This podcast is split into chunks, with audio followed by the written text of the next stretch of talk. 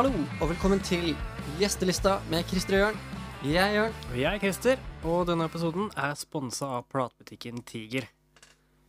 Dette er da vår aller første episode av Gjestelista, og det blir en introduksjonsepisode hvor vi forteller litt om hva vi kan forvente i Mhm. episoden som kommer framover.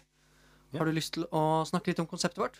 Veldig kort fortalt så er det vel Spinal Tap i podcastform. Uh, Spinal Tap er en fiktiv dokumentar om et fiktivt band som gjennomgår hele hel haug med kleine, feile, tåpelige ting.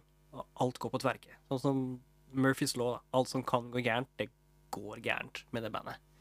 Og Og- vi tenkte da at det fins jo garantert en haug med artister og band som sitter på sånne historier på ordentlig også. Mm. Og vi har lyst til å få høre alle sammen. Ja, Absolutt. En av tankene med podkasten er også å vise så mye musikalsk spredning som vi kan. Det er et eh, stort musikalsk landskap der ute, og vi har lyst til å vise og trekke fram i lyset både store og små artister innenfor ulike sjangre. Det er viktig å få fram, eh, få fram de små så vel som de store, hvis vi kan det. Ja. De nisjeartistene sitter garantert på mye gøy, de også. Der er det nok mye rart, og det håper jeg vi får høre. Men dette er som sagt en introduksjonsepisode, så kan Mhm. ikke du fortelle litt om deg, Christer? Ja, eh, jeg heter da Christer. Jeg bor i Ås. Jeg har vært musikkinteressert hele livet. Uh, alltid brukt penger på plater når jeg var gammel nok til det. Har uh, spilt i band siden jeg var 18. Jeg er 35 nå. Sånn i hvert fall litt av og på bandspilling.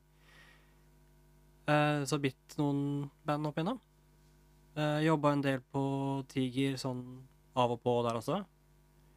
Og har en bachelorgrad i kultur og ledelse. Det er det jeg har innen kunst- og kulturfeltet sånn sett, da. Og hva med deg? Ja, mitt personlige forhold til musikk eh, Jeg også har vært musikkinteressert hele livet.